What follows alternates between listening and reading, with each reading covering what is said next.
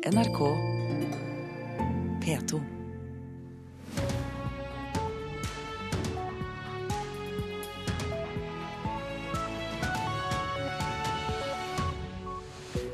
Her tar Øystein Heggen deg videre i Nyhetsmorgen.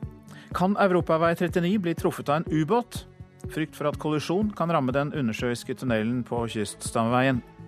Lønnsgapet er for stort i Helse Nord, mener Sykepleierforbundet. Direktørlønningene får dem til å se rødt.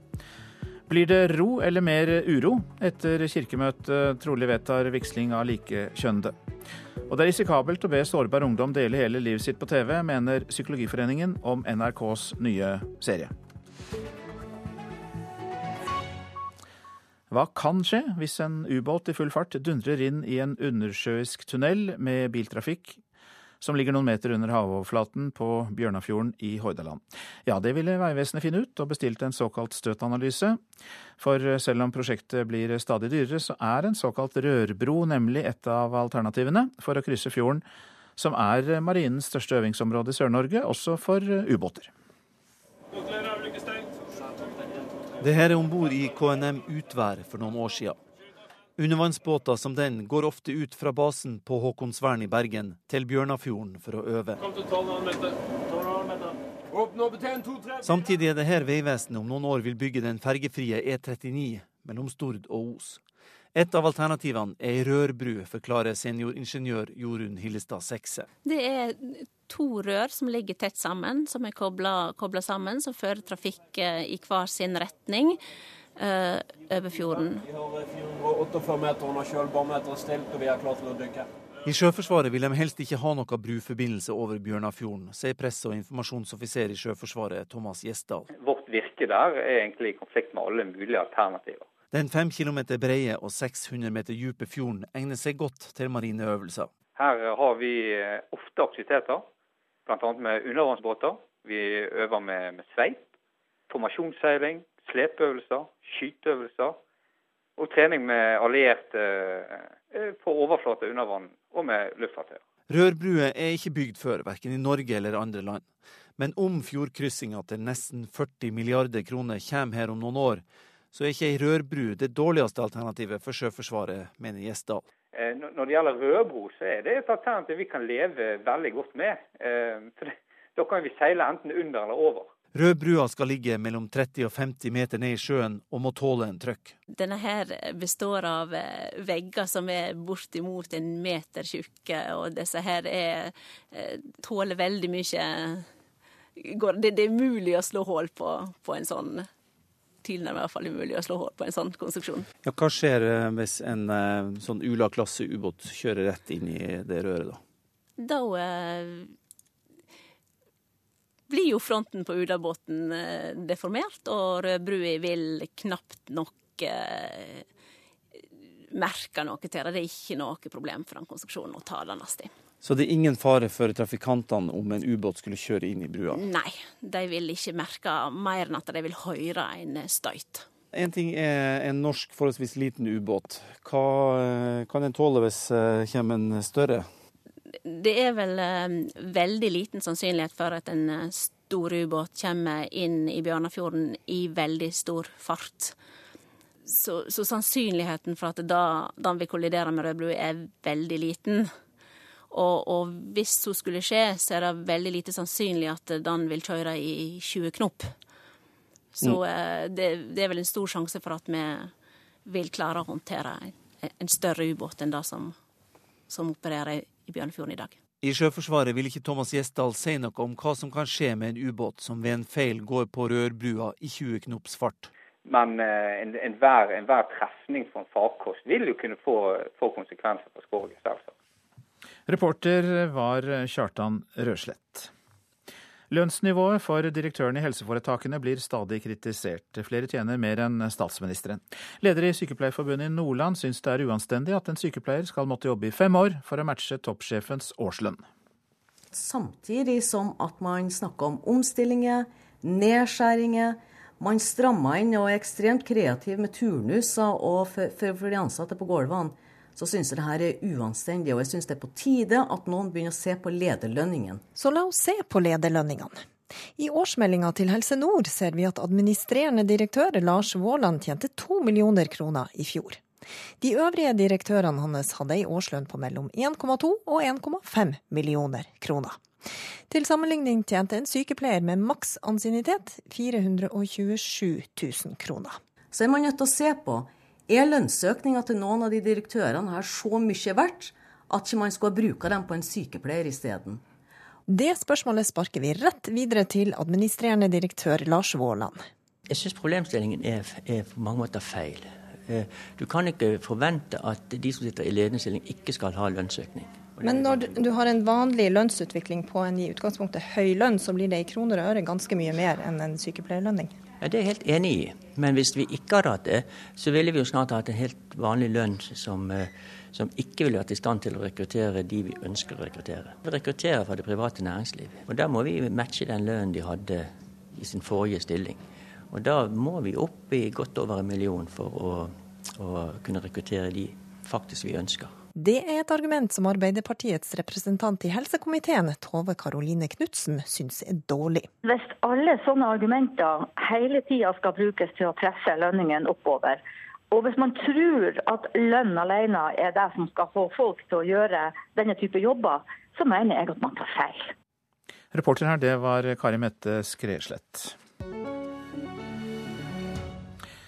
I dag eh, starter kirkemøtet i Trondheim, og det er klart for en ny runde i kampen om likekjønnede ekteskap. Og så blir det også kamp om ledervervet i eh, Kirkerådet.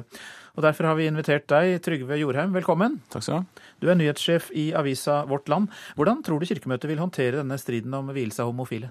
Jeg tror det kommer til å bli gjort på en relativt eh, dempet måte. Eh, det er mange som er lei av denne saken nå etter så mange år. Og de som har pushet på for å få en endring her, de er jo også da opptatt av å få dette gjennom kjapt. Hvis dette skulle bli en veldig stor diskusjon og man ikke klarer å bli enige om detaljene, så, eh, så skal saken tilbake til biskopene for ny behandling. Og da vil man få et ett års utsettelse. Og det er det veldig få som ønsker seg. Så jeg tror at denne debatten her kommer til Her veit man jo utfallet. Det kommer til å bli mulig for for eh, likekjønnede å gifte seg i Den norske kirke. Eh, hvis man ønsker å få det til kjapt, så må man være litt Eh, litt, smidig her. og Da vil det sannsynligvis bli vedtatt en liturgi, en ordning for dette her, januar 2017.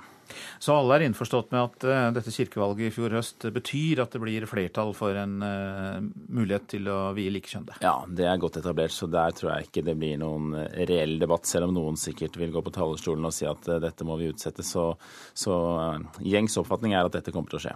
Men kan det bli mer splittelse og uro i kirken fordi mer liberale krefter har fått styrke styrket sin eh, stilling og kan få gjennom dette med vielse av likekjønnede? Nei, som sagt så er det jo eh, etablert at dette nå kommer til å skje. Så hva annet man skal eh, krangle om nå, det, det blir jo litt spennende å se. Det er eh, Mer enn halvparten av delegatene er nye, og de skal finne ut av hvordan de vil oppføre seg og opptre på, på dette møtet. Så, så, helt gitt er det jo ikke hvordan dette blir. Men som sagt så tror jeg jo veldig mange er lei av akkurat denne saken, og at det er veldig mange store utfordringer som Norske kirke nå står overfor, som man er nødt til å løfte i flokk og, og finne gode ordninger for. Og Da er det helt avgjørende å få et godt samarbeidsklima mellom alle, tror jeg. Mm. Hvilke utfordringer er det? La oss ta de. Ja, Den norske kirke skal jo da bli selvstend, et selvstendig trossamfunn, eh, egentlig fra neste år, 1.1.2017. Og Her skal det da snekres sammen en ordning som er ganske komplisert. Det er jo mange tusen ansatte. De skal ha arbeidsgiver, man skal ha forvaltningsnivåer, man skal ha demokratiske nivåer, man skal ha en hel rekke, en hel rekke strukturer, da, som jo selvfølgelig er veldig lite folkelig og sånn tabloid sett veldig kjedelig. Men, men, det må på plass for å, å finne en, en framtid for Den norske kirke eh, med, i den posisjonen den er i. Og dette her er jo mye juss og, og, og diverse. Det skal man da sitte og snekre på nå. Ja. Så det blir viktig eh, framover, i tillegg til dette med liturgier for uh, likekjønnede. Men mm. så blir det også da en kamp om ledervervet, og det er vel tre hovedkandidater det står imellom. Eh, kan du si litt om det? Ja, Kirkerådet er jo da på en måte Den norske kirkes regjering mellom kirkemøtene, og, og det er, bør være en framskutt posisjon å være leder av Kirkerådet.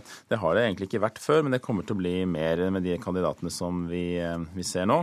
Kristin Gunnleiksrud Råum har en sentral posisjon i Åpen folkekirke har vært med i styre og stell i Kirken lenge.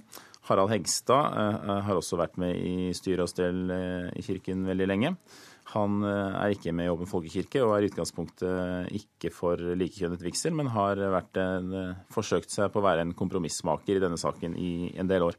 Og Den tredje kandidaten er Anne Enger, tidligere statsråd og nei-dronning og, og fylkesmann i, i Østfold. Sånn som jeg ser det, så står det her mellom Råum og Harald Hegstad. Uh, Anne Enger er jo en, et sterkt navn, men hun skriver en selvpresentasjon her som jeg har lest, som, som nok ikke er til hennes fordel. For at hun framstår ikke veldig motivert, og hun bruker heller ikke sitt politiske nettverk og rutine til å selge seg inn. Råum er det mitt beste tips, hvis jeg skal tippe, fordi hun står på denne Åpen folkekirkeplattformen og har styrket seg gjennom sitt engasjement for likekjønnet vigsel.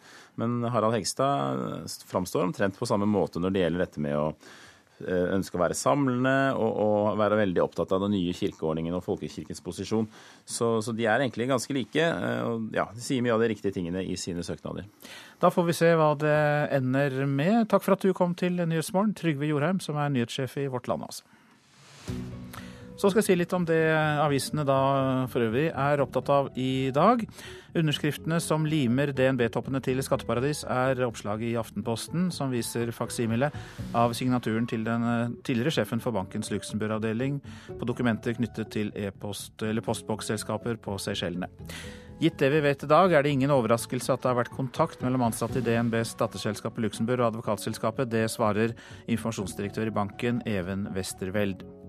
Kronprins Haakon eier en hittil ukjent aksjepost i gjødselselskapet Yara, skriver Dagbladet. Slottet opplyser at aksjene ble gitt i dåpsgave, og at de har i dag en verdi på 90 000 kroner. En eh, rollekombinasjon som er problematisk når kronprinsen skal promotere norske interesser i utlandet, sier professor Kar Harald Søvik ved Det juridiske fakultet ved Universitetet i Bergen. Omfattende bokettersyn i selskaper eid av Øystein Stray Spetalen. Det kan vi lese om i Dagens Næringsliv. Kjøp av tre selskaper med såkalte fremførbare underskudd kan bety nullskatt i årevis, skriver avisa. Men retten har inntil videre gitt Spetalen medhold i at skattemyndighetene kan nektes innsyn i 820 e-poster, som er vurdert som taushetsbelagt korrespondanse mellom advokat og klient. Venter ny strid om vigsel i kirken. Det er oppslaget i Vårt Land, som vi også nettopp snakket om eh, her. Etter flere tiår med strid rundt de homofiles plass i kirken, så eh, blir det nok trolig vigsling for likekjønnede eh, vedtatt på kirkemøtet. Men det blir ikke ro med det, mener omdømmeekspert Oddbjørn Aasen Bjørdal. Kjemper om kyllingbøndene, skriver Nasjonen. Den norske hane lokker med høyere pris på råvarene for å lokke til seg bønder som er knyttet til samvirkebedriften Nortura. Vi trenger alle produsentene vi har, sier Nortura, men flere yngre bønder velger å gå over til den stolte hane. Altfor mange barn begynner å spille fotball, sier lederen av turnforeningen Viking, Roger Gjelsvik, til Bergens Tidende. Jeg er ikke mot fotball, men for mange barn får ikke prøve andre ting som de kan holde på med lenger og ha glede av, sier Gjelsvik. Og tidenes gullbaby skriver VG om. De vier dagens forside til skiskytterparet Ole Einar Bjørndalen og Darja Domratsjeva, som skal ha barn. Og her skal vi snakke mer om gullbabyens far. Ole Einar Bjørndalen fortsetter nemlig karrieren. Det er presidenten i Det internasjonale skiskytterforbundet, Anders Besseberg, veldig glad for. For i går så ble det altså klart at Bjørndalen tar to nye år fram til OL i Sør-Korea. Jeg tror at han kan eh, fortsatt få en par eh, gode år. og Jeg tror han kan bli en verdifull løper for det norske stafettlaget også kommende vinteren. og da forhåpentligvis i OL 2018. Jeg ser utviklingspotensialet. Eh, jeg er veldig motivert. Og jeg står opp hver dag og er eh, supergira på å komme meg ut og få trent litt. Ja! Ta den siste, da! Ja da! Det er helt overveldende det Bjørndalen har fått til siden han debuterte i 1993. 8 OL-gull, 20 VM-gull, 95 verdenscupseire. Og nå satser han altså mot OL i Pyeongchang i Sør-Korea om to år. Bjørndalens personlige trener gjennom mange år, Roger Grubben, tror Ole Einar fortsatt kan utrette mye. Det blir fortsatt muligheter til å utvikle seg og, og heller ønske det sjøl mer enn, enn, å finne på noe annet. Og da, da tenker jeg at uh, så lenge han har mulighet til det og kan utvikle seg sjøl og faktisk bidra til å videreutvikle norsk skiskyting og bidra til de andre utøverne, så er jo det bare gull verdt. Nei, Han er jo den eh, mestvinnende løperen, og det er jo ingen tvil om når man er til stede i disse stadionene eh, verden rundt, for å si det sånn, så er han en utrolig eh, populær løper. og Han er jo den helt klart mestvinnende og har vært skiskytingens store profil nå de siste 12-15 åra. Reporter var Pål Thomassen. Klokka passerte nettopp 6.48. Dette er eh, hovedsaker. Høyres Kent Gudmundsen vil eh, gjøre det mulig å ta studiepoeng og bachelorgrad på høyere yrkesfagutdanning. Utdanningsforbundet er skeptisk. Hør mer om det etter klokka sju her i Nyhetsmorgen. Lønnsnivået for direktørene i helseforetakene blir stadig kritisert. Flere tjener mer enn statsministeren, og leder i Sykepleierforbundet i Nordland syns sjeflønningene er uanstendige. Ingen av dagens tiltak mot digital mobbing har gitt eh, overbevisende reduksjon av mobbing på nett. Det kommer fram av en rapport fra Folkehelseinstituttet. Skal eh, syke eldre få et bedre liv, så må det utdannes flere spesialister i geriatri, mener fagets nestor her i landet, Sigurd Sparr. Han eh, har behandlet sykdommer hos eldre i nesten 30 år. Og mange norske sykehus sliter med å skaffe seg denne kompetansen, også i Tromsø. Det er tidlig formiddag på Universitetssykehuset Nord-Norge. Innenfor dørene på geriatrisk sengepost foran dataskjermen sitter en egentlig pensjonert geriater og en snart ferdig utdanna. Hvis vi ser nå på skjermen her, så ser jeg at det er eh, noen eh, røde tall på, på denne her eh, lab-fremstillingen. Her, her er det ting å ta fatt i. De røde tallene Sigurd Spar snakker om, handler om overbelegg. De har flere pasienter enn senger, mange flere. Er det noe data du kan hjelpe meg med? Spar er snart 75 år, men er ansatt for å rekruttere unge leger til geriatrien. Det er vanskelig, men du skal få møte en av dem her. Heidi Hien fra Narvik. For henne var ikke utdanningsvalget planlagt. Det var litt tilfeldig. Jeg skulle hit til Tromsø for å gjøre meg ferdig med spesialisering i indremedisin. Jeg kommer fra lokalsykehus opprinnelig. og havna på geriatrisk avdeling og, og, trives godt her, og ser at vi gjør mye av det samme som vi egentlig gjør på lokalsykehus også. Det her med at man må kunne litt om alt, og sånn at man får den her bredden. Pasienter med flere, som flere til flere ting samtidig.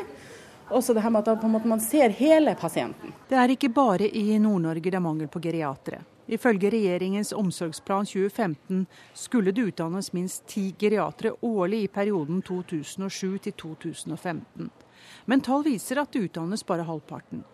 Men hvorfor er det så vanskelig for leger til å ta denne spesialiseringen? Rekruttereren Sigurd Spar svarer på denne måten.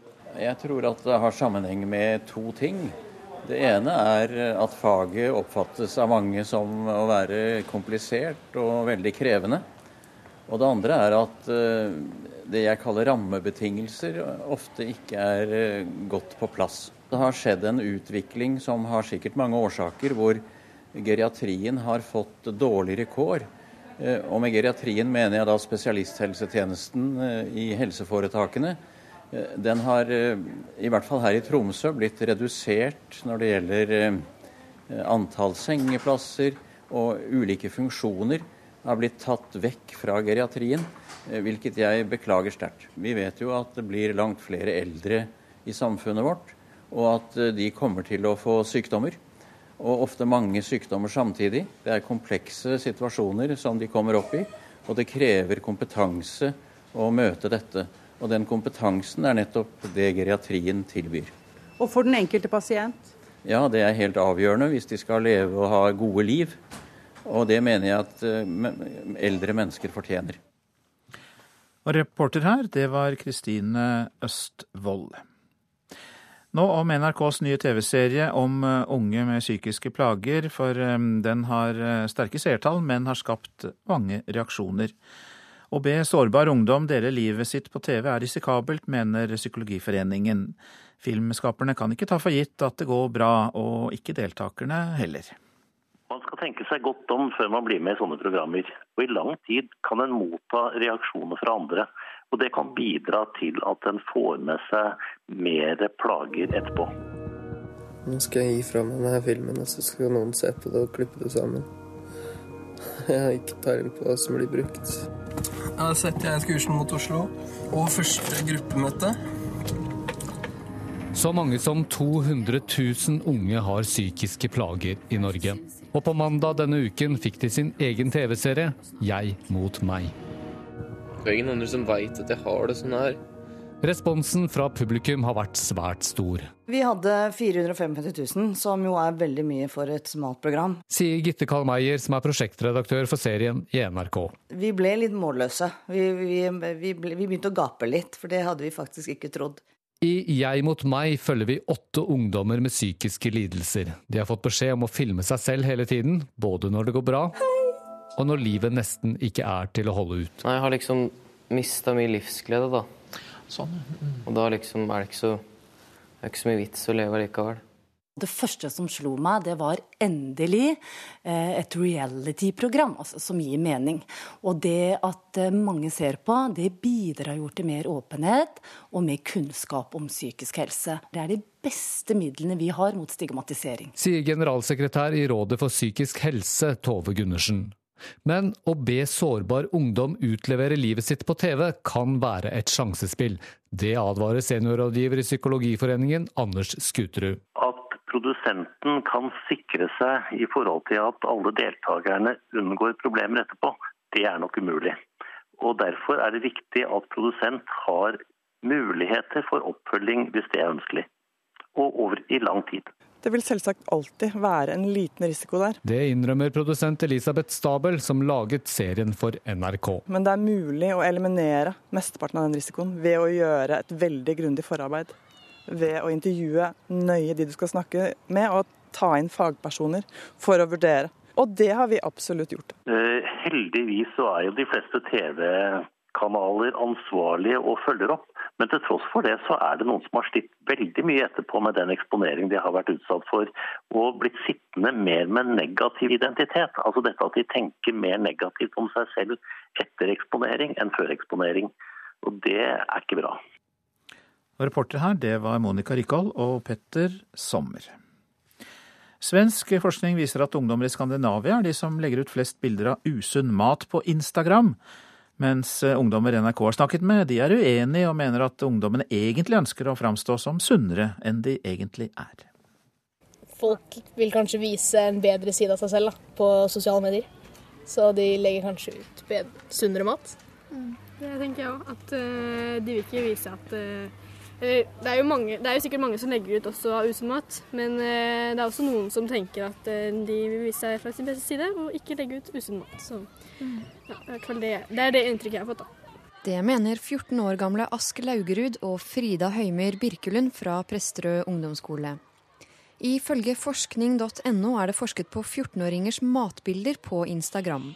Forskningen viser at det var hele 68% av bildene med usunn mat, og at det kun var 21% med sunn mat. Dette kan ikke Frida og venninna Malene Anine Lyngås si seg enige i. Jeg kan ikke si meg enig, for de fleste mine venner ligger ut litt sunnere bilder. da. For å kanskje fremstå litt sunne. Mm. Jeg har ikke um, lagt så mye merke til det. Jeg, har, um, jeg ser mest sånn sunn og sånn, jeg. Forskningen var basert på bildene til rundt 800 Instagram-kontoer til 14-åringer i hele Skandinavia. Ernæringsrådgiver Henny Kristine Korsmo Haugen mener at vi ikke skal ta som en selvfølge at dette gjelder for alle 14-åringer i landet. Um, og her har man jo kanskje valgt ungdom da, som er mye på nettet og som poster mye, og kanskje er det da hos denne gruppen dette uh, skjer hyppigst. Men så ser man jo også der at det var mange som postet uh, bilder av frukt og grønt og bær også. Um, og jeg tror helt tydelig at ungdom i dag er veldig bevisst på hva de spiser. Malene Ask og kameraten Cedric Bakke Christoffersen legger sjelden ut egne bilder, men de innrømmer at de følger folk som gjør det. Jeg følger noen venner som er mer opptatt av, av mat enn andre, da, men det er vel ikke så mange av dem. Jeg følger noen som legger ut litt sånn mat og sånn, da, men eh, ikke sånn kjempemye. Jeg føler egentlig for det meste bare venner, og de legger ikke ut så mye matbilder. Og når jeg ber om å få se på Instagram-kontoen deres, får jeg et lite innblikk i hva de pleier å legge ut. Ja, det er venner. Mye venner. Mm. Litt mat. Det var pizza. Det var det, ja. Trening og venner. Ja. Det er hovedsakelig det det går i. Ja. Ja, Sundsnacks, epler og blåbær. Masse fisk og krabber. Du har blåbær og sånt, og jeg har pizza. Det er fint, det. Reporter Dina Sofie Espeseth, og du kan lese om denne forskningen på eh, forskning.no. NRK Supers ungdomsprogram eh, Best i mest eh, vant i går den internasjonale barne-Emmy-prisen for beste underholdning uten manus, og programserien lar ungdommer som er flinke i hver sin idrett, lære hverandres idretter, og så konkurrerer de etterpå etter bare to dagers trening. Programdirektør i NRK Super, Hildrid Gulliksen, er stolt over at prisen gikk til dem. Det er noe helt spesielt å jobbe sånn jevnt og trygt og i det stille med en sånn serie, og så plutselig få hele verdens oppmerksomhet. Eh, og det lyser på seg. Og det er jo det er skikkelig artig, og vi er stolte alle sammen i Super. For det er så mange i vår, i vår virksomhet som har hatt en liten finger inni dette prosjektet. Så det er skikkelig gøy for hele Super. Værvarselet. Østafjells og fjell i Sør-Norge. Litt snø i fjellet, ellers regn under 1000 meter. Avtagende nedbør utover dagen. Det blir lite nedbør nord på Østlandet. Også lokal tåke, da. Liten sørvestlig kuling på kysten. Vestlandet og Trøndelag ser vi samlet. Det blir skyet vær, litt regn eller enkelte regnbyger. Mest nedbør sør for Stad og lokal tåke. Nord-Norge, i indre strøk sør for Bodø ventes det snø. I Øst-Finnmark enkelte sluddbyger, perioder med pent vær. Spitsbergen delvis skyet. Temperaturer klokka fem. Svalbard lufthavn minus seks, Kirkenes minus én, Vardø og Alta null. Tromsø minus tre. Bodø, Brønnøysund og Trondheim pluss tre. Molde fem, Bergen og Stavanger pluss seks. Kristiansand fem, Gardermoen fire, Lillehammer tre, Røros én. Og Oslo-Blindern fem grader.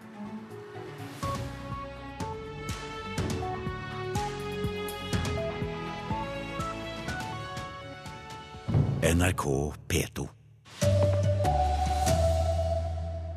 Økokrim må etterforske DNB, sier korrupsjonsjeger Eva Jolie. Ny runde i kampen om likekjønnede ekteskap når kirkemøtet starter i dag. Her er NRK Dagsnytt klokka sju med Anders Borgen Werring. Økokrim må etterforske DNB, som har tilrettelagt for skjulte kontoer i skatteparadis. Det mener Eva Jolie. Som Aftenposten har avslørt, så har delvis statseide DNB innrømmet at de har hjulpet kunder å gjemme unna penger fra norske skattemyndigheter, hvis de ønsket det. Jeg synes at man skal starte sin etterforskning av Økokrim, som må få ressurser til å gjøre det. De må være mange. Det må være jeg vet ikke hvor mange etterforskere, men kanskje ti pluss politietterforskere. Og virkelig gå og se på systemet og gjøre alt det som trengs i en etterforskning for å etablere de forskjellige ansvarene. Nå skal man altså ikke la banken slippe unna. Økokrim hadde i går kveld ingen kommentar til utspillet fra Eva Jolie. I dag starter kirkemøtet i Trondheim. Det er klart for en ny runde i kampen om likekjønnede ekteskap.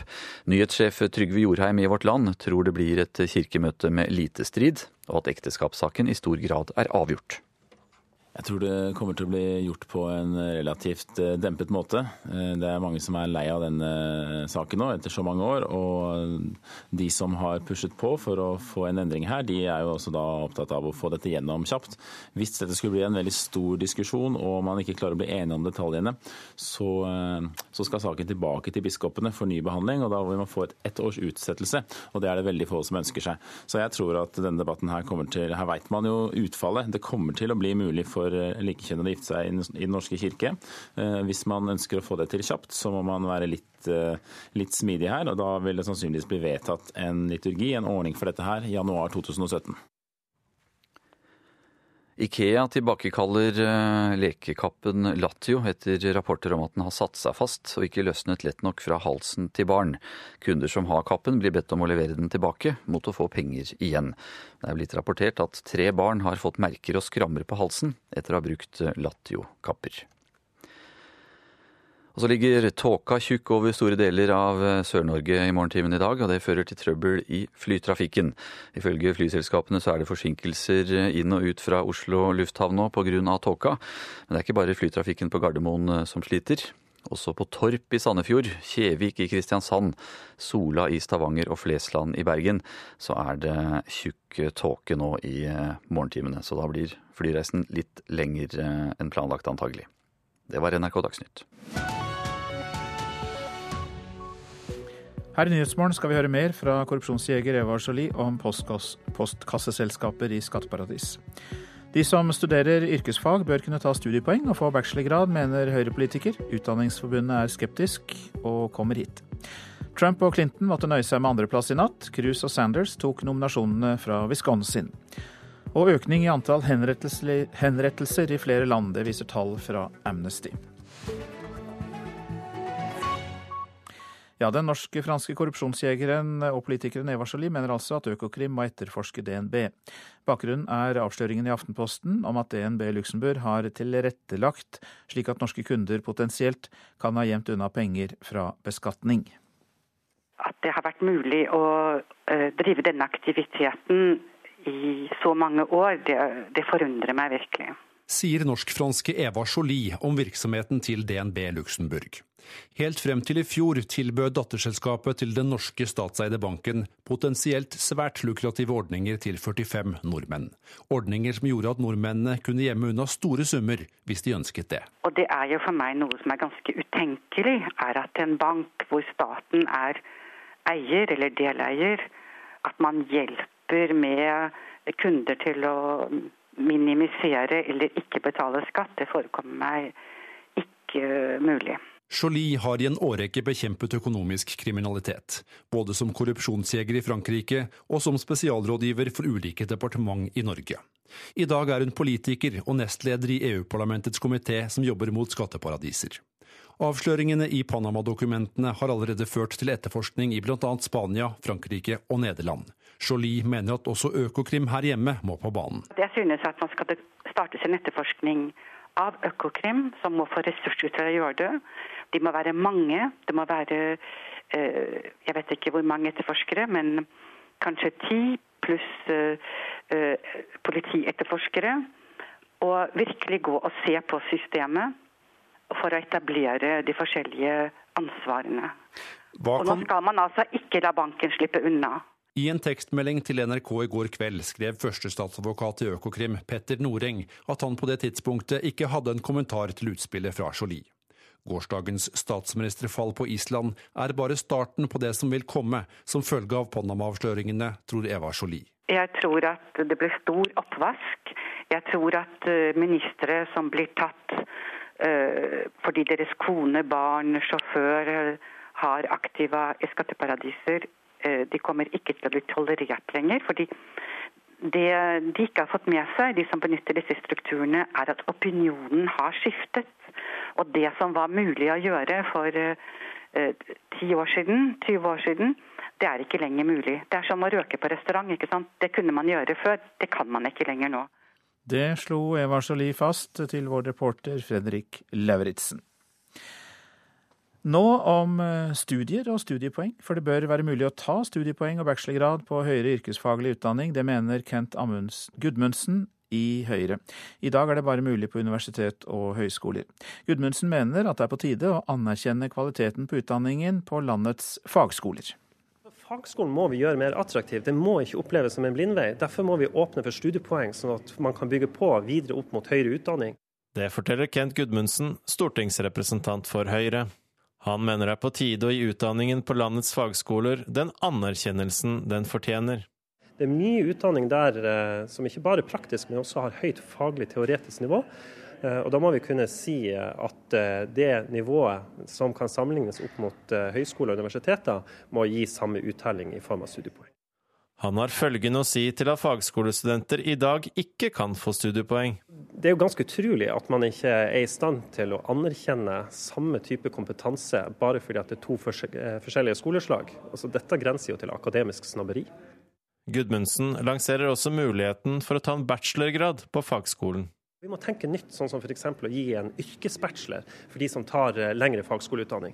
Da tar vi yrkeselevene på alvor, og da kan vi kanskje bøte på den trenden vi så i år, nemlig at vi hadde en nedgang i antall elever som søkte seg inn på yrkesfag til videregående. Næringslivets hovedorganisasjon støtter forslaget om studiepoeng i fagskolen. Det sier Are Turmo, kompetansedirektør i NHO støtter det varmt. Eh, det har også vært vårt forslag at man også må få studiepoeng for fagskoleutdanning. Eh, det vi ser, det er at fagskoleutdanning i dag er svært etterspurt av våre bedrifter. eh, faktisk den nest mest etterspurte utdanningen etter fagbrev. NHO er opptatt av at det skal være lett å kunne gå over fra fagskoleutdanninger til høyskole- og universitetsutdanninger. Og Da mener vi at det er fornuftig å bruke, bruke samme målenhet, slik at man f.eks.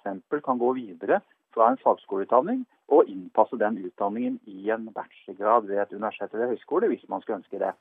Reporter her var Erlend Kjernli. Leder i Utdanningsforbundet Steffen Handal, god morgen til deg. Takk for det. Dere er ikke enig i dette. Hvorfor er det så galt å gi folk med høyere fagutdanning en bachelorgrad? Nei, det, det jeg er enig med Gudmundsen i, er at vi må gjøre fagskolene attraktive. Og det er også viktig at de skal ha den anerkjennelsen de trenger. Eh, jeg tror det er et blindspor å snakke om studiepoeng og fagskolepoeng som det samme. Og jeg tror vi er tjent med i landet å nettopp anerkjenne at folk ønsker ulik type kompetanse. Noen vil ta en yrkesfaglig retning, noen vil ta en, studie, altså en mer akademisk retning. Og jeg tror det er, det er uheldig hvis vi skal gi ulik type eh, kompetanse det samme uttrykket når de kommer ut. Eh, det er sånn at De som går på fagskolen er veldig fornøyd.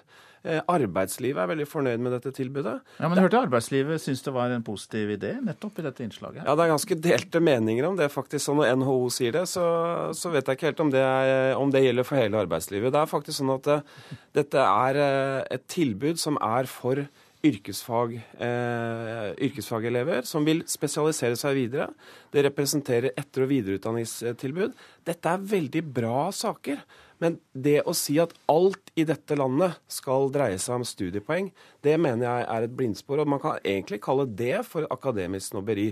Jeg tror det er lurt å jobbe med anerkjennelse til fagskolen på andre måter. Nettopp stille veldig gode krav til hvilken kompetanse de som underviser der skal ha, eh, hva slags eh, type eh, sluttvurderinger man skal ha, osv. Jo, men samfunnet utvikler seg jo, og man, man får Man hører at dette er etterspurt fag, disse yrkesfagene. At vi kanskje trenger å skape nye arbeidsplasser i Norge når eh, det går dårlig med oljen. At man nettopp derfor klarer å blande det tradisjonelt akademiske med det yrkesfaglige. Og da kan jo det å gi dem muligheten til bachelorgrad være en eh, fin måte å gjøre det på, og en gulrot for at folk skal strekke seg inn i de fagene. Ja, jeg tror du har helt rett i at vi trenger å se nytt på dette.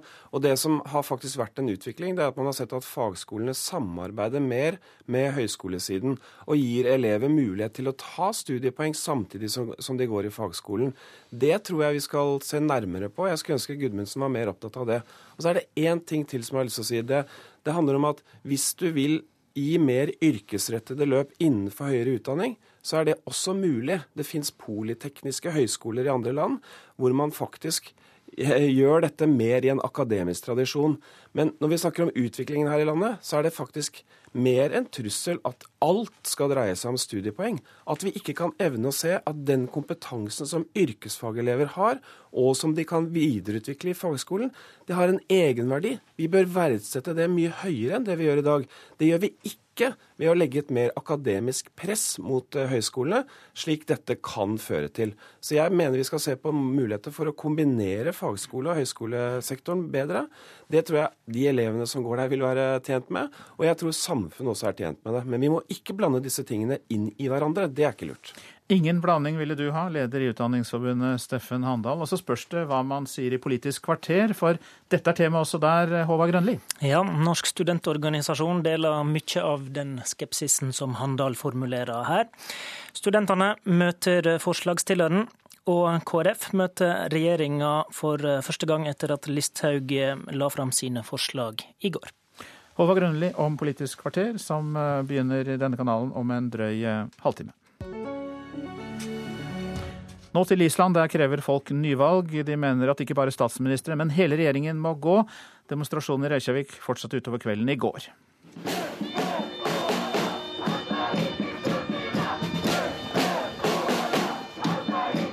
Vekk med hele regjeringen, roper demonstrantene i Reykjavik taktfast. I går kveld flyttet de seg fra plassen utenfor det islandske parlamentet Alltinget og marsjerte gjennom hele byen. Underveis stanset de ved hovedkvarterene til de to partiene i koalisjonsregjeringen. De kastet egg og bananer på bygningen for å vise sin misnøye med politikken som regjeringen fører. I'm here to call for the resignation of the entire government. But uh, the prime minister stepped down. That's not enough. Jeg vil at hele regjeringen skal gå av, sier denne mannen. Han synes ikke det er nok at statsministeren har trukket seg. Finansministeren og innenriksministeren har også interesser i skatteparadiser, hevder han, og understreker at det trengs større endringer i landets politikk.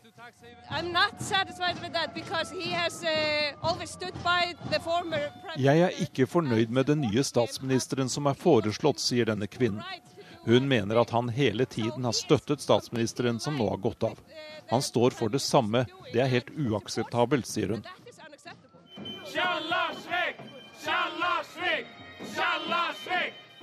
Det er uklart om den politiske uroen er over på Island, selv om den omstridte statsministeren har gått av. Jan Espen Kruse ute blant folket på Island i går kveld, og med oss nå fra Island. Ja, Eh, nå avviser jo eh, Gudmundsson at han eh, vil gå av, han bare går til side. Hva mer vet du om dette? Det er jo et svært overraskende utspill. Det har blitt sendt ut i, i natt en, en pressemelding Eh, fra partiet, hvor det nettopp sier det at eh, han ikke har gått av, men at han bare trekker seg for en eh, periode. Og Det er jo stikk i strid med det, de meldingene som partiet da kom med i, i går. Men det viser jo hvilken voldsom politisk kamp som pågår her på Island. Og han har altså ikke tenkt å gi seg uten denne kampen. Og det er ganske utrolig når man har sett på de demonstrasjonene som har vært her de siste døgnene. Eh, at han ikke tar det signalet, for å si det sånn. Ja, Hva tror du folk vil eh, gjøre? Hva tror du vil skje med disse protestene i dag og i tiden fremover? Nei, Jeg tror eh, de vil fortsette. For som de demonstrantene sa i, i, går kveld, at de vil ha hele regjeringen vekk. Og det er nok eh, veldig mange islendinger som mener akkurat det. Og i hvert fall at uh, den uh, statsministeren eh, Gunnlaugsson at eh, han ikke trekker seg helt, det, det vil provosere fryktelig mange. Og det vil eh, gjøre at eh, de nokså kaotiske tilstandene fortsetter før eh, den politiske situasjonen er ordentlig avklart. Og det er veldig vanskelig å skjønne at eh, Gunnlaugsson vil fortsette som partileder og nærmest antyde at han kan tenke seg å komme tilbake på et senere tidspunkt som statsminister. det vil ikke bidra til stabilitet eh, her på Island. Er det sånn eh, nå at man egentlig ikke vet hvem som eh, styrer landet? Ja, akkurat nå er situasjonen veldig merkelig. Det lå jo an i går da, til at, man, at nestlederen i det samme partiet skulle overta. Eh, nå er det jo litt uklart hva som skjer videre. For eh, de aller fleste kommentatorer på, Island de mener at eh, han virkelig må gå av. Han må trekke seg Gunnlaugsson for at man skal komme videre her. Takk skal du ha, Jan Espen Kruse, som rapporterte fra Reykjavik. Klokka har passert 7.16. Dette er hovedsaker. Den norsk-franske korrupsjonsjeger og politiker Eva Jolie mener Økokrim nå må etterforske DNB etter avsløringene i Panama-papirene. Høyres Kent Gudmundsen vil gjøre det mulig å ta studiepoeng og bachelorgrad på høyere yrkesfaglig utdanning, og vi har hørt at eh, Utdanningsforbundet er imot en slik ordning. Det er tåke ved Oslo lufthavn og fører til forsinkelser. Det er også tåke på Kjevik ved Kristiansand, Sola ved Stavanger, Flesland ved Bergen og Torp flyplass ved Sandefjord. Så det kan bli forsinkelser flere steder. Det var utfordrerne som uh, tok seirene i presidentnominasjonen i USA i natt. Ted Cruz og Bernie Sanders vant i Wisconsin. Og da blir det mer og mer sannsynlig at republikanernes landsmøte i juli blir avgjørende for å kåre partiets presidentkandidat, sier Anders Tvegård i Washington. Nå forlenges alt. Det blir eh, vanskeligere for Donald Trump å hente det flertallet han trenger. og Flere kommentatorer her mener at det trolig blir eh, republikanernes landsmøte som starter i sommer uten en klar vinner. Eh, Wisconsin er ikke en stor og viktig delstat i matematikken her, men den forteller noe om stemningen. Nå er det mer sannsynlig at det er landsmøtedelegatene som peker ut eh, partiets presidentkandidat. Etter et innfløkt regelverk så fristilles eh, delegatene etter de første avstemningene, og kan dermed hoppe over til Ted Cruz eller en helt annen person som etablissementet ville foretrekke. Nå har jo Donald Trump fortsatt flest nominasjoner han kan ta med seg til dette landsmøtet, men har Ted Cruz noen mulighet til å ta han igjen? Ja, han har, mener jo selv i alle fall at han uh, har det. Uh, Donald Trump uh, han sier at er, han er den opplagte kandidaten. Men kampanjen hans har nå i, i natt da slått sprekker og, og, vist svakheter etter det som har vært en av de verste periodene for ham. Trump klarer ikke å hente inn nye velgere i Wisconsin, og rivalene håper dette er starten på slutten for Trump. Det han har sagt i natt, er å anklage Ted Cruz for å bruke ulovlig valgkamptaktikk. Trump hevder Cruz koordinerer kampanjen sin med mm, utenforstående, uavhengige støttegrupper, superpacks, noe ingen kandidater har lov til. Eh, Trump hadde heller ikke en valgvake for støttespillerne i natt, men, har, eh, men kampanjen har da sendt ut en, en erklæring. Og så var det demokratene. Bernie Sanders eh, vant jo da der. Og hvordan er Hillary Clintons muligheter til å bli partiets kandidat ved høstens presidentvalg nå? Han har jo nå spist litt inn på Clintons uh, forsprang, men ikke betydelig nok. Altså, Sanders gjorde det som ventet bra i Wisconsin, men seieren er ikke, er ikke stor nok. Demokratene de fordeler sine landsmøtedelegater ut eh, fra hvor mange stemmer de får. Det gjør de i alle delstatene, mens republikanerne har, har forskjellige regler. Eh, men eh, Sanders han retter nå all oppmerksomhet mot valget i delegatrike New York, som også er Clintons hjemstat. Det gjør jo at begge fortsatt får mye medieoppmerksomhet. Hadde Clinton blitt kronet umiddelbart, så hadde hun mistet en del av oppmerksomheten og Alt ville bare handlet om bikkjeslagsmålet i den republikanske leiren. Um, Sanders fortsetter også å trekke Clinton enda mer til venstre i politikken. og Når han da samler delegater, så får han også innflytelse på landsmøtet, noe som former veien uh, videre. Anders Tvegård fra Washington. Det har vært en kraftig økning i henrettelser i verden, men samtidig er det flere land som uh, går bort fra dødsstraff. Det går fram av Amnestys årlige rapport, og generalsekretær i Amnesty, Jon Peder Egenes, velkommen. Takk. Ja, hvor er det flest henrettelser? Ja, Det er nok helt sikkert flest i Kina, men de tallene blir behandlet som statshemmeligheter. Og fordi tall vi oppga tidligere misbrukte kineserne til å gi et inntrykk av at det var færre henrettelser der enn, det egentlig var, så har vi sluttet å offentliggjøre tall som vi kjenner til på Kina. Eh, men når vi ser bort fra Kina, så er det Iran som er den staten som har henrettet flest, med 977 i fjor. Hva tror du er eh, grunnen til denne utviklingen?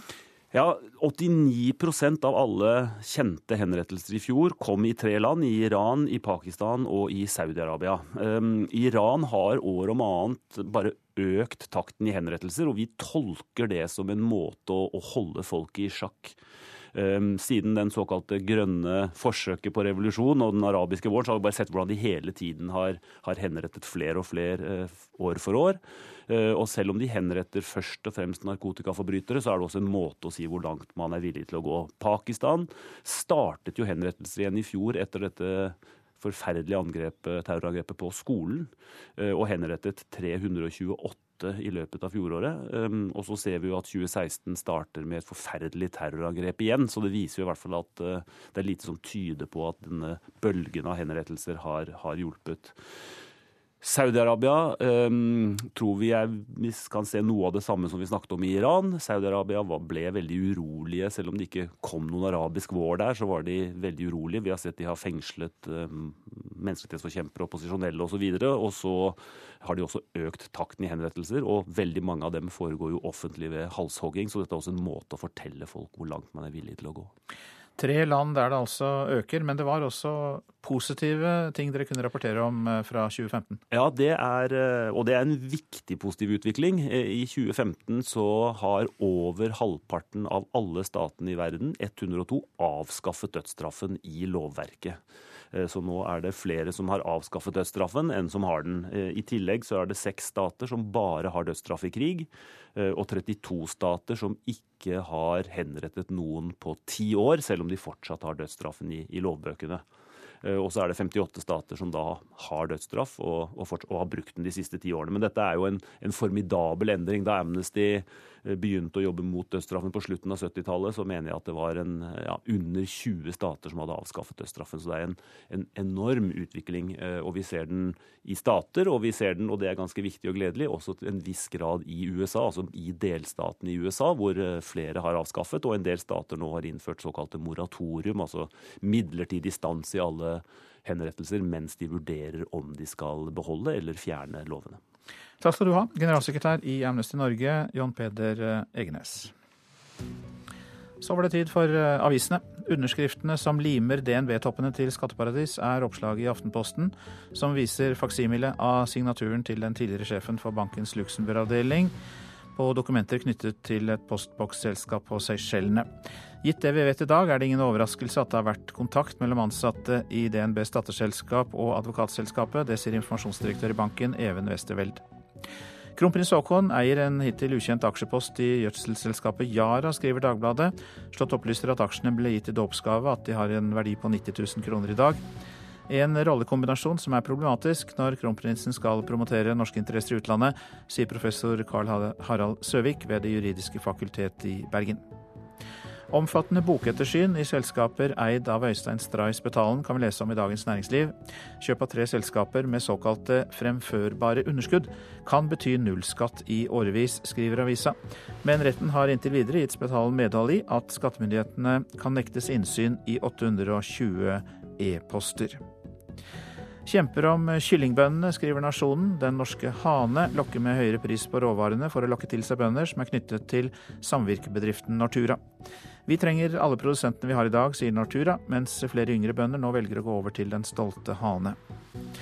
Altfor mange barn begynner å spille fotball, sier lederen av turnforeningen Viking, Roger Gjelsvik, til Bergens Tidende. Jeg er ikke mot fotball, sier han, men for mange barn får ikke prøve andre ting som de kan holde på med lenger. Tidenes gullbaby, skriver VG, og vi gir dagens forside til skiskytterparet Ole Einar Bjørndalen og Darja Domratsjeva, som skal ha barn.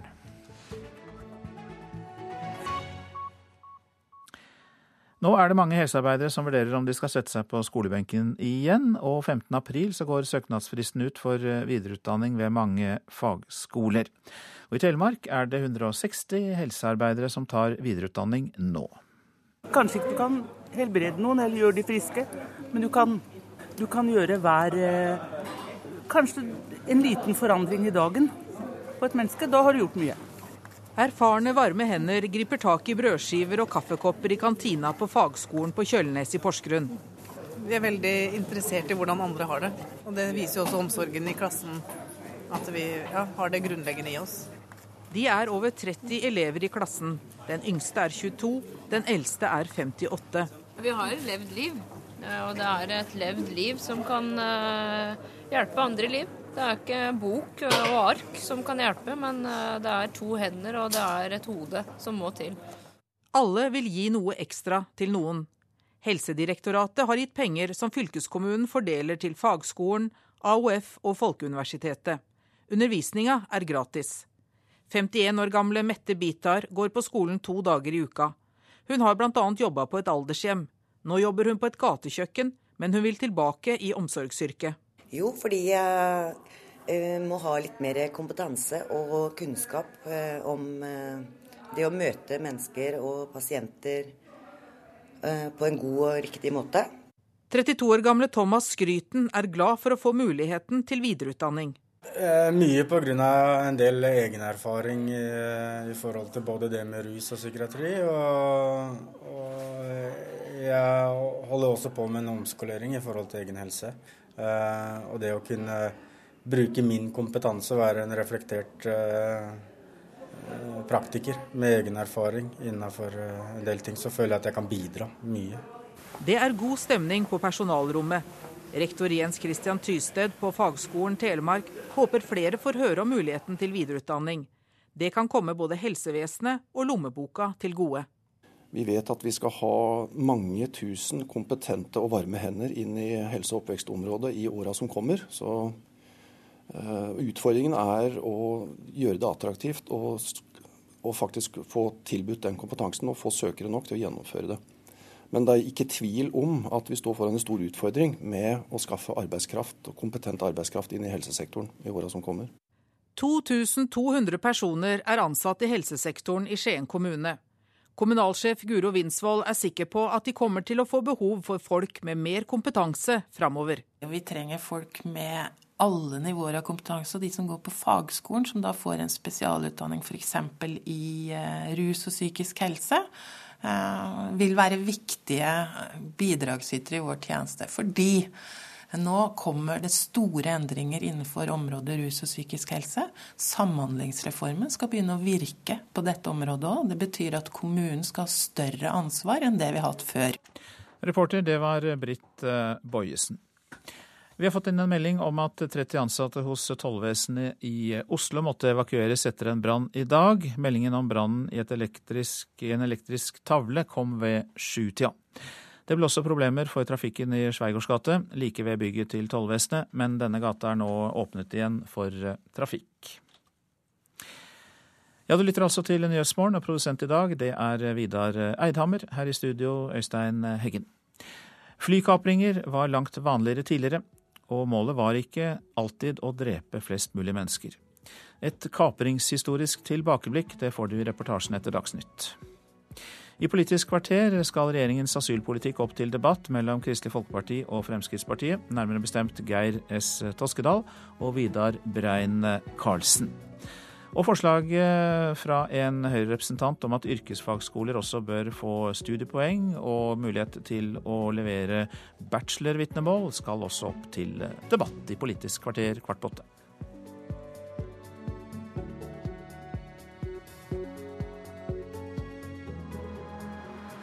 NRK P2.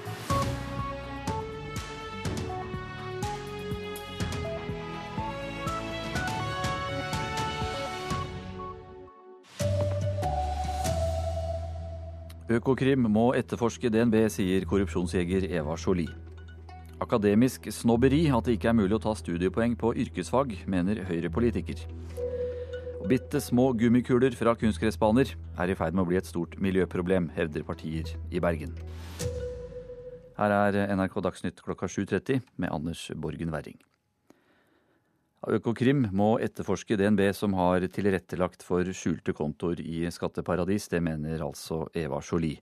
Som Aftenposten har avslørt, så har delvis statseide DNB innrømmet at de har hjulpet kunder å gjemme unna penger fra norske skattemyndigheter hvis de ønsket det at det har vært mulig å uh, drive denne aktiviteten i så mange år, det, det forundrer meg virkelig. Sier norsk-franske Eva Jolie om virksomheten til DNB Luxembourg.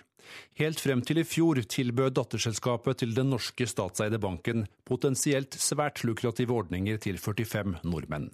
Ordninger som gjorde at nordmennene kunne gjemme unna store summer hvis de ønsket det. Og det er jo for meg noe som er ganske utenkelig, er at en bank hvor staten er eier eller deleier, at man hjelper med kunder til å minimisere eller ikke betale skatt, det forekommer meg ikke mulig.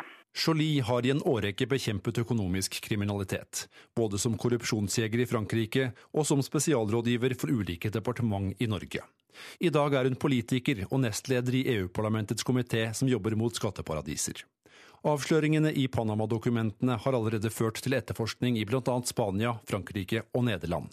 Jolie mener at også Økokrim her hjemme må på banen. Jeg synes at man skal starte sin etterforskning av Økokrim, som må få ressurser til å gjøre det. De må være mange. Det må være eh, jeg vet ikke hvor mange etterforskere, men kanskje ti pluss eh, eh, politietterforskere. Og virkelig gå og se på systemet for å etablere de forskjellige ansvarene. Kan... Og Nå skal man altså ikke la banken slippe unna. I en tekstmelding til NRK i går kveld skrev førstestatsadvokat i Økokrim Petter Noreng at han på det tidspunktet ikke hadde en kommentar til utspillet fra Eva Jolie. Og det sa reporter Fredrik Lauritzen.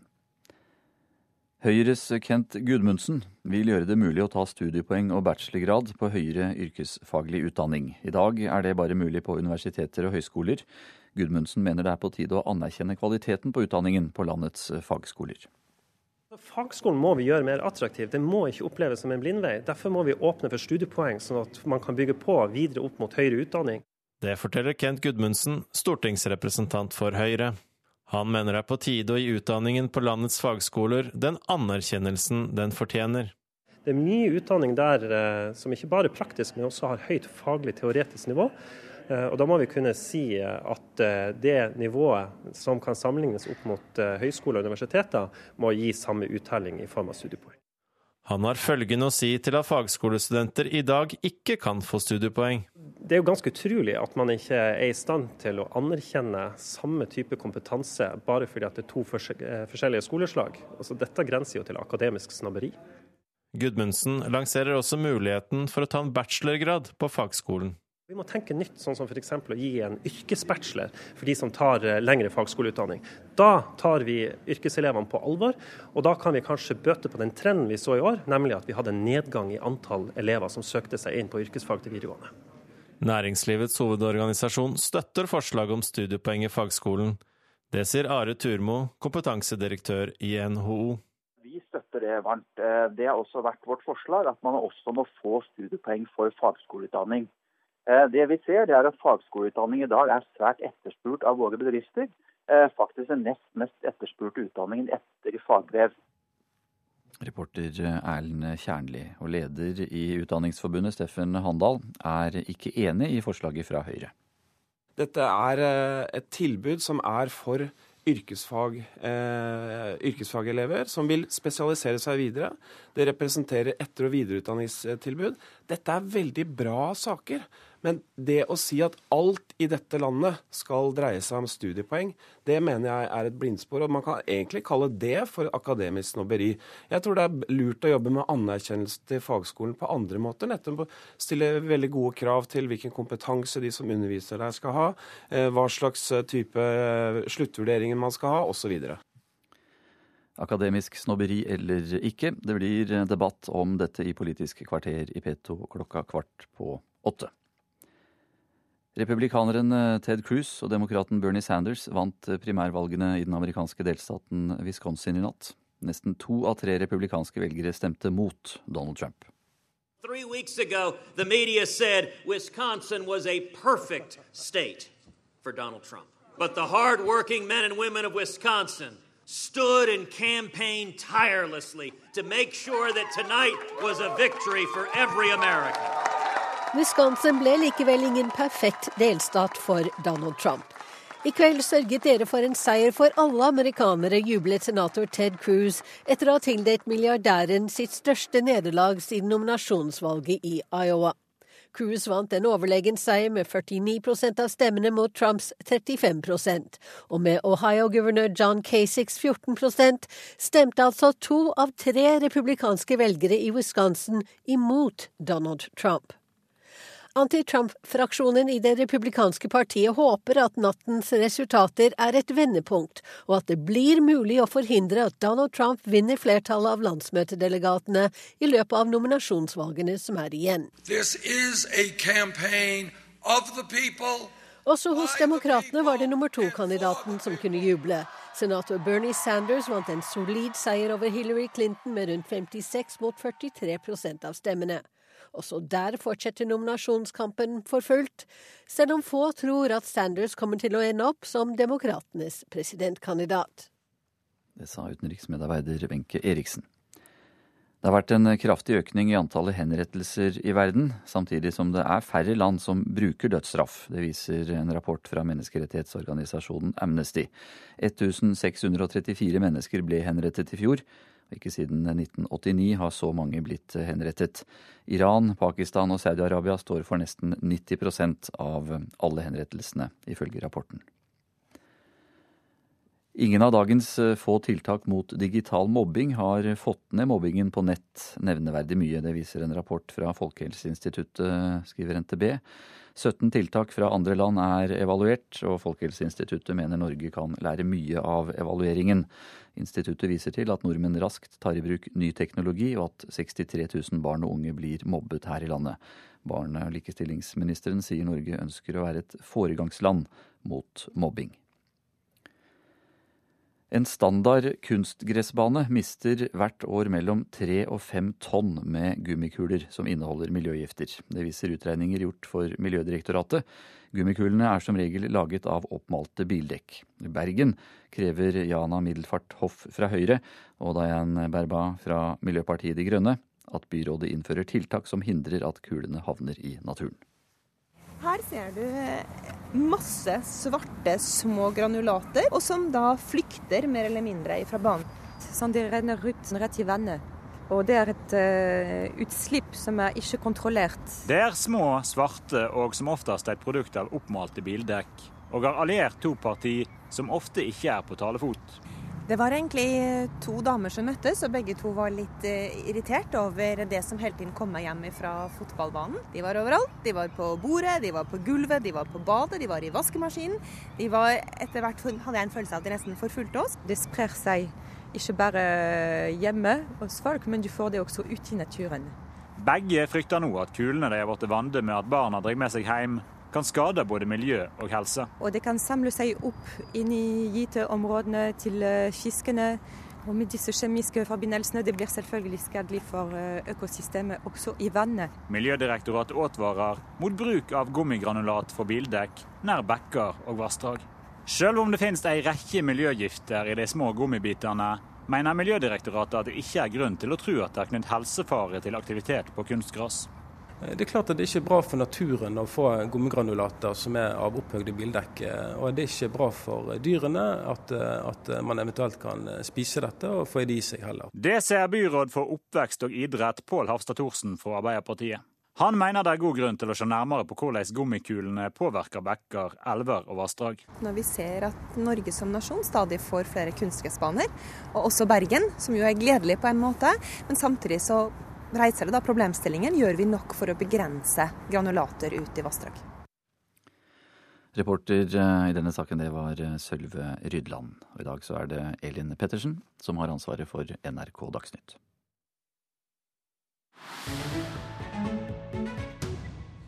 Og her kan vi slå fast at det er Nyhetsmorgen du lytter til. Flykapringen av et egyptisk innenriksfly som ble tvunget ned på Kypros i forrige uke, endte godt. Ingen ble skadd, og kapreren overga seg. Kapringen minnet faktisk om tidligere tider, da fly ble kapret og omdirigert uten at målet var å drepe flest mulig mennesker. Wenche Eriksen har sett tilbake på den siste halvdelen av forrige århundre, da flykapringer var langt vanligere enn i dag.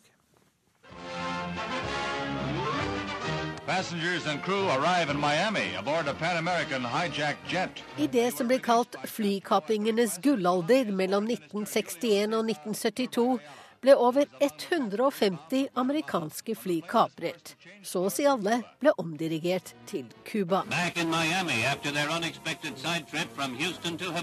Uttrykket 'Take me to Cuba' ble en del av populærkulturen. Noe man kunne fleipe med, slik komikeren Jonathan Winters gjorde.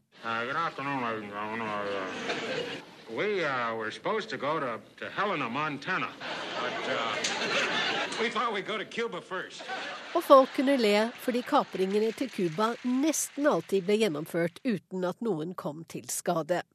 Kaprerne hadde en rekke forskjellige motiver. De var desillusjonerte eksilcubanere, kriminelle som var ute etter penger, og mennesker i psykisk ubalanse. Og så var det så lett for dem, det var så som så med flyplassikkerheten på den tiden. Først i 1973 ble metalldetektorer og gjennomlysing av håndbagasje påbudt på alle amerikanske flyplasser. Men det var jo ikke bare i USA at fly ble kapret. I 1968 tok PFLP, den militante folkefronten for Palestinas frigjøring, over kontrollen på El Als flygning 426 fra London til Roma og et nytt kapittel i flykapringens historie ble innledet. Flyet ble omdirigert til Alger, der de ikke-israelske passasjerene ble løslatt. Dette var ikke bare den første palestinske flykapringen. Det er den eneste vellykkede kapringen av et israelsk El Al-fly, og den lengste kapringen i kommersiell luftfart. Hele 40 dager med forhandlinger tok det før de siste gislene ble satt fri. PFLP fortsatte å sette rekorder. Leila Khaled ble verdens første kvinnelige flykaprer i 1969. Året etter kom PFLPs mest spektakulære aksjon. Tre fly med 400 mennesker om bord ble kapret og tvunget til å lande på den gamle britiske flybasen Dawson's Field i Jordan. Etter å ha sluppet fri de fleste av gislene og flyttet 40 som ble betraktet som israelske krigsfanger, fikk Storbritannia, Sveits og Tyskland en frist på 72 timer til å løslate Leila Khaled og seks andre palestinere. Så skjedde dette.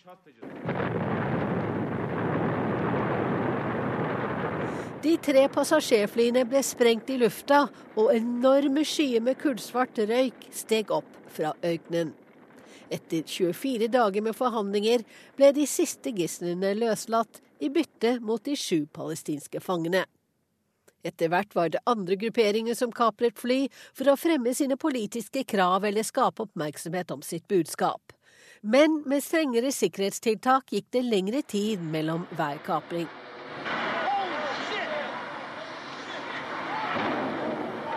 11.9.2001 innledet enda en ny æra i flykapringshistorien.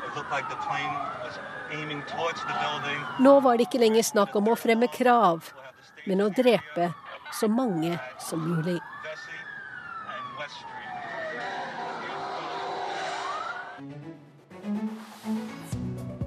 Dette er hovedsaker i Nyhetsmorgen. Den norsk-franske korrupsjonsjegeren og politikeren Eva Jolie mener Økokrim må etterforske DNB etter avsløringene om postkasseselskaper i skatteparadis. Akademisk snobberi at det ikke er mulig å ta studiepoeng på yrkesfag, mener høyrepolitikeren Kent Gudmundsen. Han vil gjøre det mulig å ta bachelorgrad på høyere yrkesfaglig utdanning. Republikaneren Ted Cruz og demokraten Bernie Sanders vant primærvalgene i den amerikanske delstaten Wisconsin i natt. Nesten to av tre republikanske velgere stemte mot Donald Trump.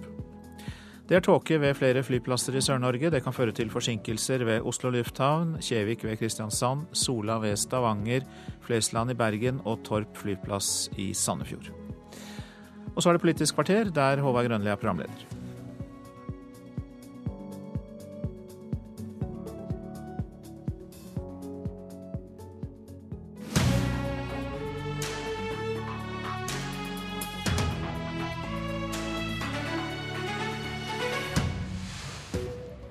KrF er kritisk, men likevel forsiktig i omtalen av de siste asylinnstrammingsforslagene.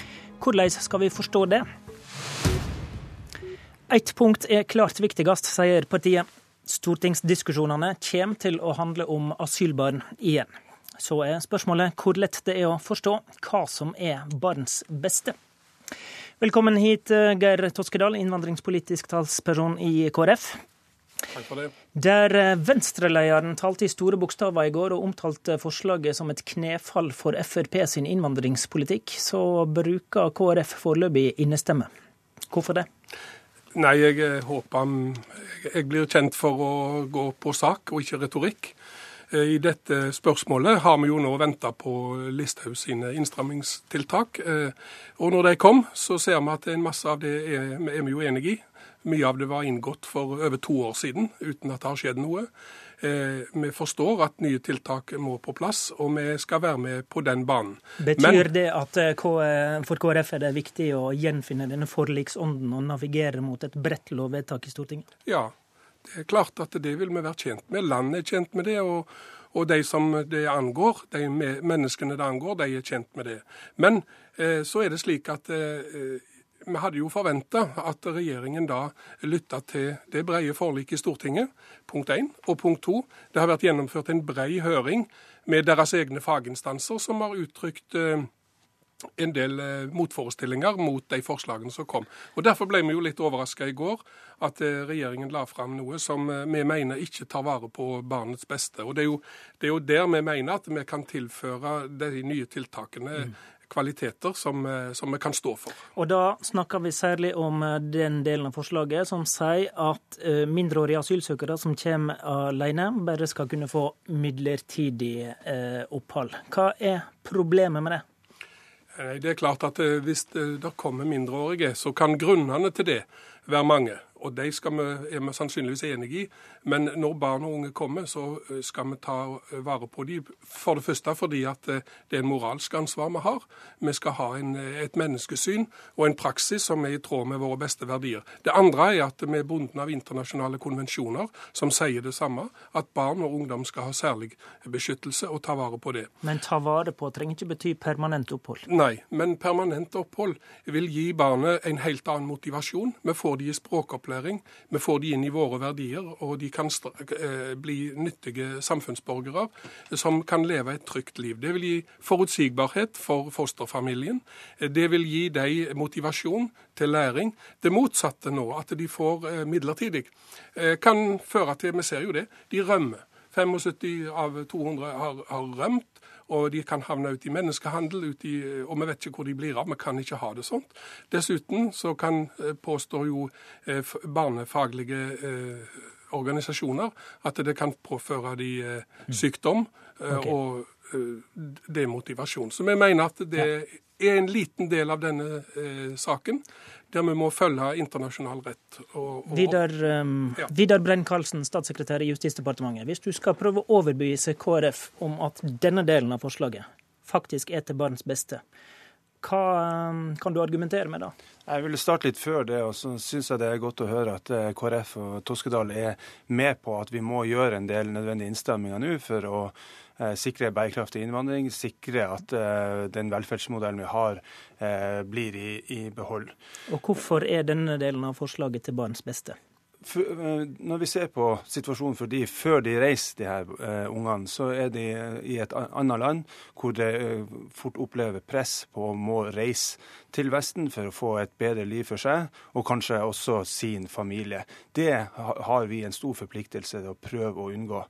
Eh, utsikten til å få langvarig opphold i Norge kan være en grunn til at, legger, at familien sender ungene sine ut på den eh, ferden som er farlig, der menneskesmuglere rår og er kynisk. Ungene blir utsatt for, eh, for overgrep, vold. Men hvordan vet dere at det er de norske reglene som gjør at en tar det valget om å reise fra heimlandet sitt? Nei, Vi vet ikke at det er det eneste grunnen, men vi har god grunn til å tro at det er en del av grunnen. Og her i Norge uh, får ganske mange uh, permanent opphold, og da muligheten for å sende penger hjem, det tror vi kan være én motivasjon. Men uansett det at ungene kommer hit og får være her. Når det, er snakk om internasjonale konvensjoner, så er det nøye vurdert opp imot dette forslaget. Og vi er trygge på at vi er på innsida der. Og så er det viktig å presisere at det her gjelder ikke de eh, ungene som kommer alene, som har et reelt vanlig beskyttelsesbehov. Altså, de, eh, Som eksempel de som kommer fra samme område i Syria som de eh, voksne vil få beskyttelse, de vil få en ordinær tillatelse. Dette er de som ikke har et sånn beskyttelsesbehov. Og Toskedal, Hvis europeiske regjeringer kan klare å forhindre at barn reiser fra familien sin, har ikke vi oppnådd noe bra da, som Brein Karlsen viser til? Jo, eh, og dette krever internasjonalt samarbeid, og det er på det nivået vi kan løse dette. Vi kan ikke løse det ved at vår minister står fram og skryter av at vi nå skal ha Europas strengeste politikk. Det er ikke byrdefordeling i Europa.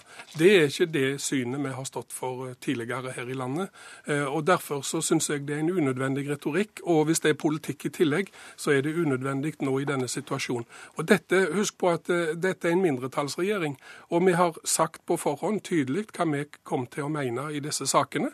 I tillegg har deres egne fagorganisasjoner, eh, fagetater, IMDi, UNE, UDI og SSB uttrykt i høringen skepsis nettopp til denne delen, mm. og sier at faktisk kan det virke mot sin hensikt. Mm. Og da, det, sånn at det, Men når du, den, når du, peker på det med at det er mindretallsregjering, da. Regjeringa ja. vil jo kunne danne en mengde ulike flertall her. Dersom regjeringa er steil på dette punktet, vil KrF være interessert i å danne et annet flertall om eh, barnedelen av politikken da?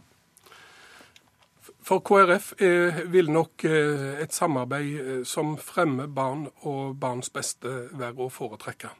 Det kan det jeg si for min egen del. Det var et slags ja, men altså nå, husk på, eh, vi må ha med oss hele bildet. Vi har spurt statsministeren om her er et handlingsrom. Og vi fikk vite i en spørretime at ja, regjeringen var på tilbudssiden. Mm. Så vi forutsetter å tolke signalene så langt at det kommer. Samarbeidspartiene er åpenbart ikke med på disse barneforslagene. Vil dere komme dem i møte og prøve å bli enige med dem om en hel pakke, eller vil dere prøve ut alternative flertall på enkeltforslag? Nå har vi lagt frem de innstemmingene som vi mener er nødvendige for å, for å sikre en kontrollert innvandring. Og Nå har vi levert det, den pakken til, til Stortinget. og Da, da, da syns jeg det er riktig at eh, de på Stortinget finner ut av det. Jeg er veldig glad for den åpne holdninga KrF har her, og jeg er helt sikker på at det skal være mulig å finne ut av, av eh, gode tiltak eh, i løpet av den stortingsbehandlinga. Mm, men spørsmålet var om dere eh, ville på en måte primært basere dere på en pakke sammen med samarbeidspartiene, eller om dere kan søke ulike flertall på enkeltforslag? Ja, Det syns jeg er et spørsmål som våre Høyre og Frp sine representanter på Stortinget skal få svar på. Vi får se hvordan, hvordan det går, da. Takk til Geir Toskedal og Vidar Brein Karlsen.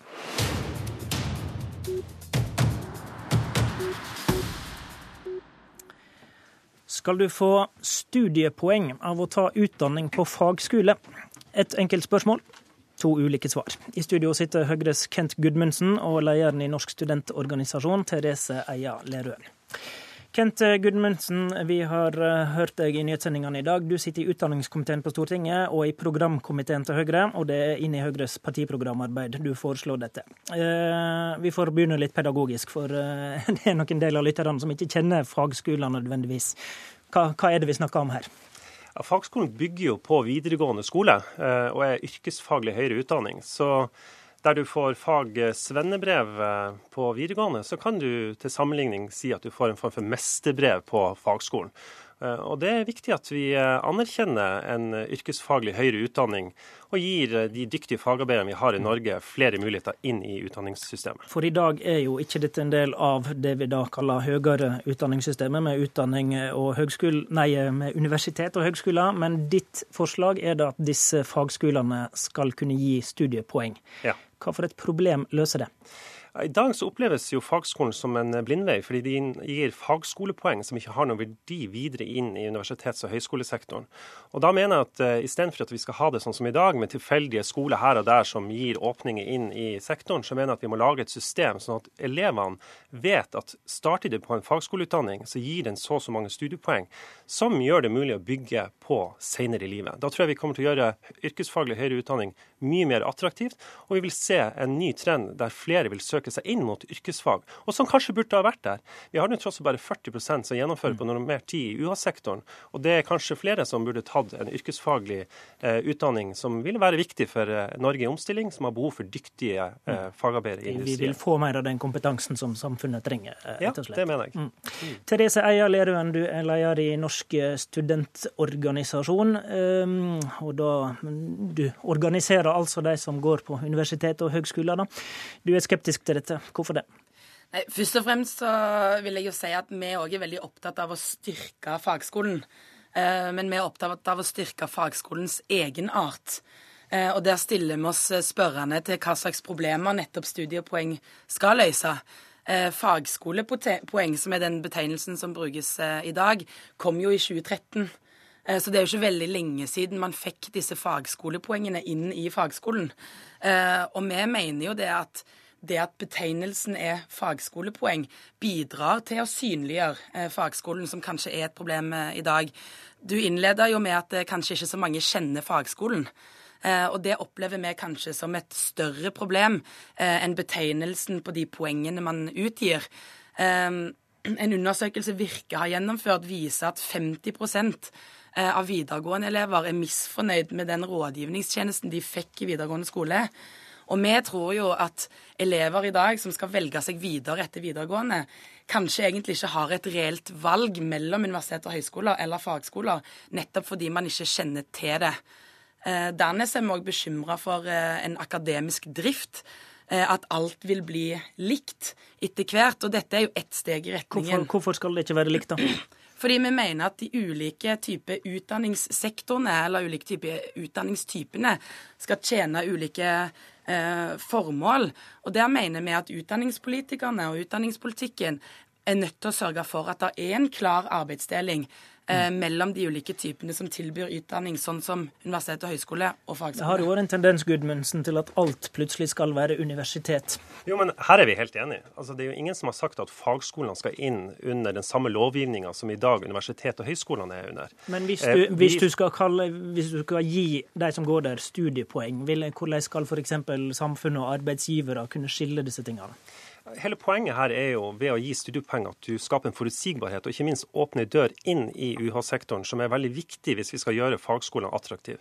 Eh, tilsynsdirektør eh, Øystein Lund i, i NOKUT, eh, det organet som vi har for å kvalitetssikre høyere utdanning i Norge, har jo sagt at det er vurdering av utdanninga og studentenes læringsutbytte som må være det førende prinsippet. Og Da er det uinteressant om vi kaller det fagskolepoeng eller studiepoeng. Og Her mener jeg jo selve kjernen i poenget er vi må anerkjenne det faglige nivået som faktisk leveres på fagskolene.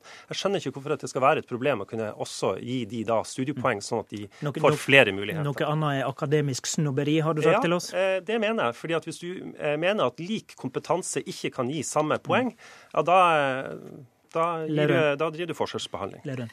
Jeg tror nok ikke det handler om at man ønsker å sette en bremser for å anerkjenne det arbeidet som skjer ved fagskolen, og den kompetansen som studentene opparbeider seg, men vi mener at det er helt andre tiltak som kan bidra til å styrke dette. Fagskoleloven f.eks. når det angår studentenes rettigheter, er veldig svak. Og Der vet jeg at det jobbes med å nå utarbeide en stortingsmelding. Der er mye som kom fram i denne NOU-en som er gode tiltak som jeg veldig gjerne ønsker å støtte.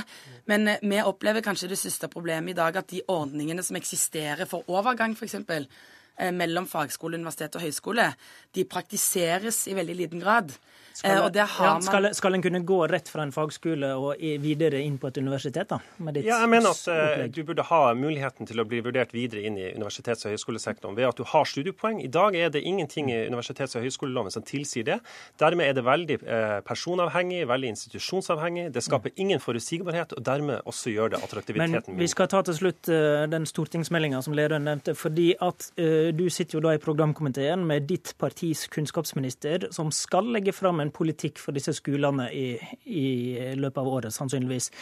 Skal vi da forvente oss at det du sier nå faktisk er høyrepolitikk? At en vil gi studiepoeng eh, for fagskoler fra denne regjeringa? Det er for tidlig å forskuttere. Først må vi eh, ha en diskusjon i regjeringspartiene, og så skal eh, meldinga legges frem og behandles i Stortinget. Vi er jo også en mindretallsregjering. Men, men det som er viktig her, det er jo at vi nå får debatten.